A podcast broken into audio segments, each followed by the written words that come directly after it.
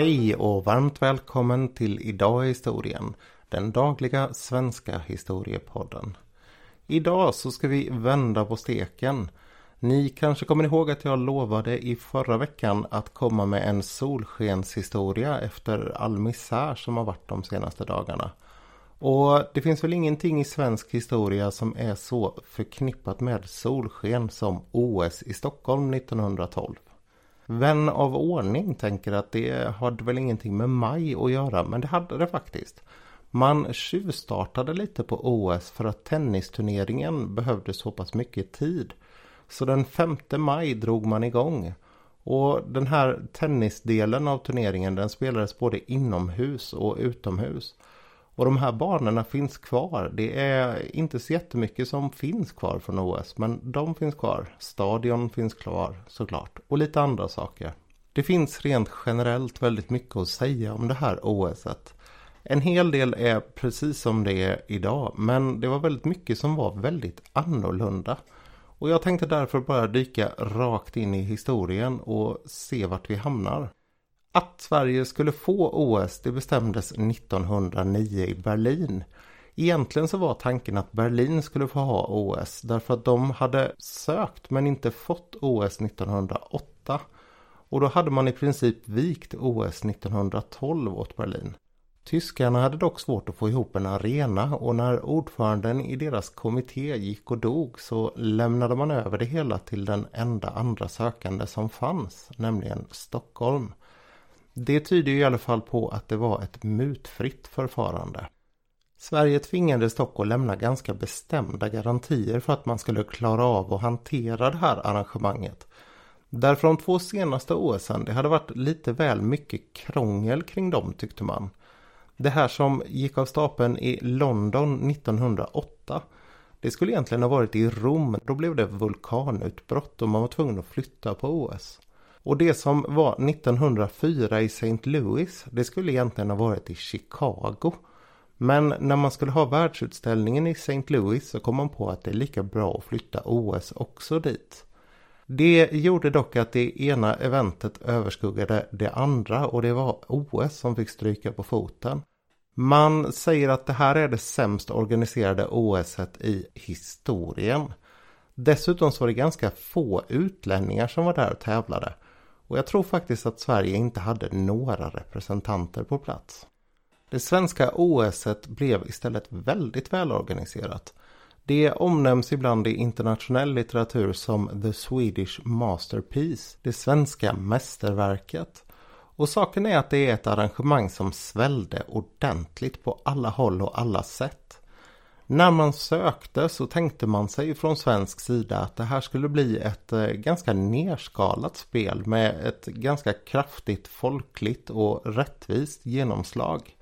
Tanken var att man bara skulle ha tävlingar där alla kunde delta. Om man var man såklart. Men i alla fall så kunde fattiga och rika tävla eller folk med olika samhällstävlingar tävla på lika villkor. Så här blev det dock inte. Utan sakta men säkert så fylldes det på med en massa nya idrotter och även andra saker vilket ledde till en viss konflikt. Jag ska återkomma till det där snart. Dessutom så var det en hel del kvinnor som var med. Och trots att det här är den femte olympiaden så är det faktiskt bara den tredje där kvinnor fick delta. Och när jag säger att kvinnor fick delta då är det lite av en överdrift för att det var någonstans runt 2400 personer som deltog i det här OSet. Och av dem så var det bara 56 eller 57 som var kvinnor. Även kostnaderna skenade för den här tävlingen precis som det brukar göra med OS och sådana här stora offentliga projekt. I eh, ansökan så räknade man med att det skulle kosta ungefär 315 000 kronor. Men när man sen började sätta igång och då får man tänka på här att det är bara tre år från att man får reda på att man ska ha OS till att man börjar eller till att man är klar med det hela. Så drar det iväg ordentligt. En av orsakerna det var att staten gick in och lovade pengar. Och regeringen ställde som krav för det här att skulle det byggas ett stadion med skattemedel då var det ingenting som skulle rivas efteråt så som man tänkte från början. Utan då skulle det stå kvar och användas efteråt också. Och där får man väl faktiskt tacka för att vi fick ett så fint stadion som just OS-stadion i Stockholm. De här 315 000 kronorna som man hade projekterat för de blev i slutändan 2,5 miljon kronor. Och i 2010 års penningvärde så beräknas de till att vara omkring 115 miljoner kronor. Sen ska man ju alltid ta sådana här förändringar över tid med en nypa salt eftersom det är ganska svårt att jämföra värdet på olika saker. De som fick ta den stora kostnaden för det här det var Sveriges centralförening för idrottens främjande. Det var en förening som var en eh, riktigt tung aktör vid den här tiden i svenska idrottslivet. Man hade gott om pengar och medlemmar från väldigt höga positioner så man hade stort inflytande. Och för att ha råd att bekosta det här OSet så fick man lov från, antar jag, eh, riksdagen att ordna ett extra lotteri i idrottslotteriet. Men när de här kostnaderna drog iväg då fick man även söka för att få ett andra extra lotteri. Den tunge mannen bakom det hela det var Viktor Balk och det var han som ordnade den här organisationskommittén som var kärnan av eh, rörelsen bakom OS. Runt omkring den eller nedanför hur man nu vill se en organisation så fanns det 26 olika sektioner och specialkommittéer. Och det är ganska intressant att se på kvinnorepresentationen här också för det är nämligen bara i en av de här specialkommittéerna som det ingick kvinnor. I den för tennis. Och det bör kanske tilläggas att kvinnor de fick ju inte tävla i alla idrotter så att det är väl inte så konstigt att de inte heller var med i de kommittéerna.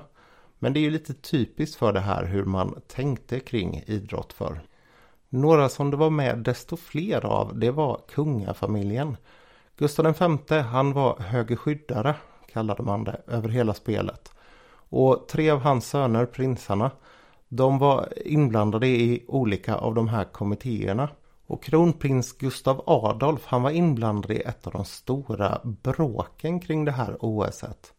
Det var nämligen så att greve Pierre de Coubertin, han som drog igång OS 1896 igen. Han tyckte att det nu hade blivit läge att ha med lite av de mer eh, estetiska verksamheterna i OS. Det innebar att han ville ha med saker som målning och poesi och sådana här saker.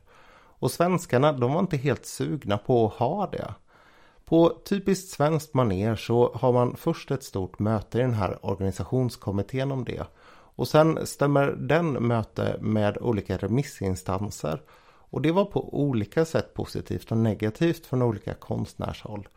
Men när de skickade iväg det här svaret och de la tyngdpunkten på det negativa för att försöka få igenom sin eh, agenda, får man väl kalla det. Då svarade Pierre de Coubertin helt lugnt och sansat att vad svenska konstnärer tyckte, det spelade väl ingen roll för det här. Dock så verkar han ha fått meddelandet så han bestämde sig för att ta hand om hela den konstnärliga delen Konkurs som det kallades, på egen hand. Så han skickade på hösten 2011 ut regler för de här olika grenarna. Och sen så sa han till folk som var intresserade att vara med och skicka sina bidrag hem till honom. Reglerna sa att det var tvunget att ha en anknytning till idrott. Och grenarna det var måleri, skulptur, litteratur, musik och arkitektur. Det finns väl inte sådär jättemycket att säga om det här annat än att det försvann igen efter OS 1948. Och att vinnaren i litteratur det var två stycken. En tysk och en fransk. Men det visade sig i efterhand att det var Pierre själv som hade skickat in ett bidrag och givit sig själv första pris. Han höll tyst om det här hela livet och till hans försvar så ska det sägas att han gjorde det inte av någon fåfäng anledning. Utan han gjorde det helt enkelt för att det skulle framstå som att det fanns en, eh, ett rejält intresse för de här tävlingarna. En annan ganska intressant sak är att det var en amerikan med som hette Walter Winans. Han vann skulpturtävlingen och tog därmed ett guld. Sen så kom han till Stockholm för de här personerna de fick inte sina medaljer i Stockholm utan de skickade man hem till dem. Han kom till Stockholm senare och var med i skyttetävlingarna och tog där också ett silver. Och på tal om skytte så dominerade Sverige i grenen hjortskytte på 100 meter. En gren som inte längre finns idag och en gren som Sverige faktiskt är det mest framgångsrika landet i historien i. Det var dock inte riktiga hjortar man sköt på om någon nu satt och funderade på det utan man hade mekaniska fallmål. En annan gren som var med som är försvunnen idag det var dragkamp. Och i den så var det final mellan Sverige och England. Och ska man vara riktigt petig så var det faktiskt två polislag, ett från Stockholm och ett från London som drog om segern. Vinnande ur den här leken det gick eh, Sverige faktiskt. Det fanns också en hel del grenar som man inte tävlade i på riktigt samma sätt som idag. I eh, de olika hoppsporterna, längd och höjdhopp, så tävlade man både med och utan sats. Och dessutom så i kastgrenarna, kulstötning och spjut och sådana här saker, så körde man med båda händerna, höger och vänster. Och sen la man ihop de två bästa resultaten och fick där ett sammanlagt värde som vinnaren hade. I brottningen så tävlade man också helt annorlunda än idag. Det är ju ganska korta runder man kör i brottning nu för tiden. Det var det inte här utan i semifinalen så möttes en ryss och en finne. Vilket är väldigt intressant, det ska jag också återkomma till alldeles strax. Men den här finnen, Asikainen, mötte en ryss som hette Klein. Och de måste nog ha varit de två tuffaste killarna på det här OSet. För de stod inne på stadion i, håll i er, 11 timmar och 40 minuter och brottades. Till slut så vann Klein. Och han var så knäckt av den här insatsen. Så när det var dags för guldmatch dagen efter. Då lämnade han walkover och svenska Claes Johansson vann istället. Det jag skulle komma till som var intressant med att Ryssland och Finland möttes. Det var ju att Finland 1912 formellt fortfarande var en del av Ryssland. Men de fick delta på egen hand ändå. Det här gäller en hel del andra länder som var med i OS här. Och som inte finns idag. Till exempel så var Böhmen med. Och ett annat land som var med det var Australasien. Det var de brittiska kolonierna Australien och Nya Zeeland. Det Ottomanska riket det var inte med i OS efter det här utan försvann efter första världskriget.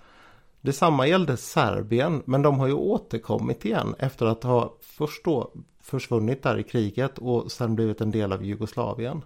Så 2008 så gör de återkomst efter 90, vad blir det, 6 års frånvaro. Publikmässigt så var det här OS ingen jätteframgång. Det verkar som att man har överdrivit det ganska tydligt i olika beskrivningar av det. Och anledningen till att det inte gick så bra det var att man hade ett väldigt krångligt system. Man ville undvika att det blev svarta börshandel med biljetterna och därför så sålde man seriebiljetter som gällde för flera dagar. Men de var så pass dyra att det var ganska svårt för en vanlig människa att köpa dem. Istället så fick man gå och köpa biljett på dagen och då bildades det istället väldigt långa köer vilket gjorde att folk tröttnade och helt enkelt struntade i att täv följa tävlingarna på plats. Det var egentligen bara sista dagen som det var fullsatt. De som dock hade tagit sig till simhoppstävlingarna de fick se Greta Johansson, en liten 17-åring från Kungsholmen, bli den första svenska kvinnliga guldmedaljören. Hon har ett ganska intressant öde rent generellt och jag kan väl bara säga att hon försvann iväg till USA och stannade där året efter att hon hade tagit sitt guld. En annan svenska som fick guld det var Charlotte Wersäll, landshövdingens hustru i Västerås. Anledningen till att hon fick den här medaljen den var lite udda. Medaljen hon fick det var för övrigt IOKs specialmedalj. Och anledningen det var att hon var mamma till sex deltagare i de olympiska spelen. OS 1912 var också det sista OS där guldmedaljerna var riktigt guld rakt igenom. Och flest medaljer, guldmedaljer, det vann USA. Flest medaljer överhuvudtaget, det vann faktiskt Sverige.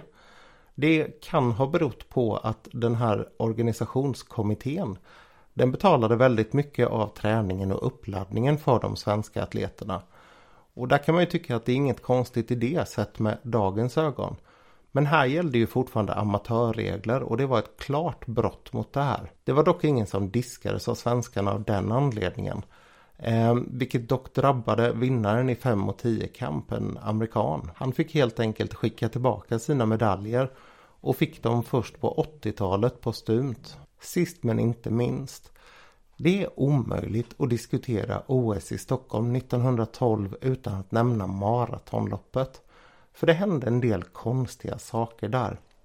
Då som nu så låg maratontävlingen på sista dagen och det var som sagt fullsatt på stadion. Det var maratonfeber och bussar, spårvagnar, man slog ny trafik, nytt trafikrekord på dem. Likaså nytt trafikrekord för telegramtrafiken i Stockholm. Alla hotell de var fullbelagda och det sägs att det stod tiotusentals människor längs med banan. Man sprang från stadion och ut till Sollentuna kyrka och sen tillbaka. Och sträckan den var 40,2 kilometer. Alltså kortare än idag vilket berodde på att man sprang 25 engelska miles. Den bestämda sträckan för maraton den fanns inte då utan den skulle komma först, jag tror det är vid OS i London den här tävlingen i varje fall, det hade varit lite bekymmer vid det tidigare OS i London då 1908. Där var det en italienare som hette Dorando Pietri som hade hållit på att vackla och falla ihop och var väldigt utsliten. Och det ville man undvika för man tyckte att det var ganska ovärdigt i det här sammanhanget. Så därför så krävdes det att man hade läkarintyg, att man var pigg och frisk nog och dessutom så undersöktes man innan man startade. Längs med banan så såg man också till att det fanns ordentligt med vatten för den här solskensolympiaden den gjorde verkligen skäl för namnet den här dagen.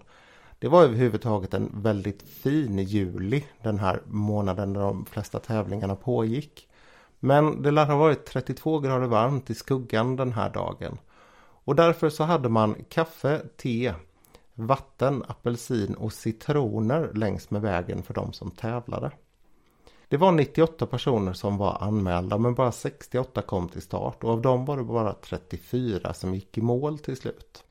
Portugisen Francisco Lazaro han blev faktiskt så dålig att han togs till sjukhus och senare avled där. Det sägs att han hade en eh, kroppstemperatur på 42,1 grader när han kom in. Och anledningen till det här det var en kombination av dels den här höga temperaturen men också av okunskap som jag inte vet om den var typisk för honom eller för tiden. Av någon anledning så hade han trott att det skulle hjälpa att smörja in hela kroppen med fett för att kyla ner sig. Effekten blev istället att han höll inne all svett i kroppen och på så vis inte kunde göra av med värme. Snabbast det var Ken MacArthur från Sydafrika.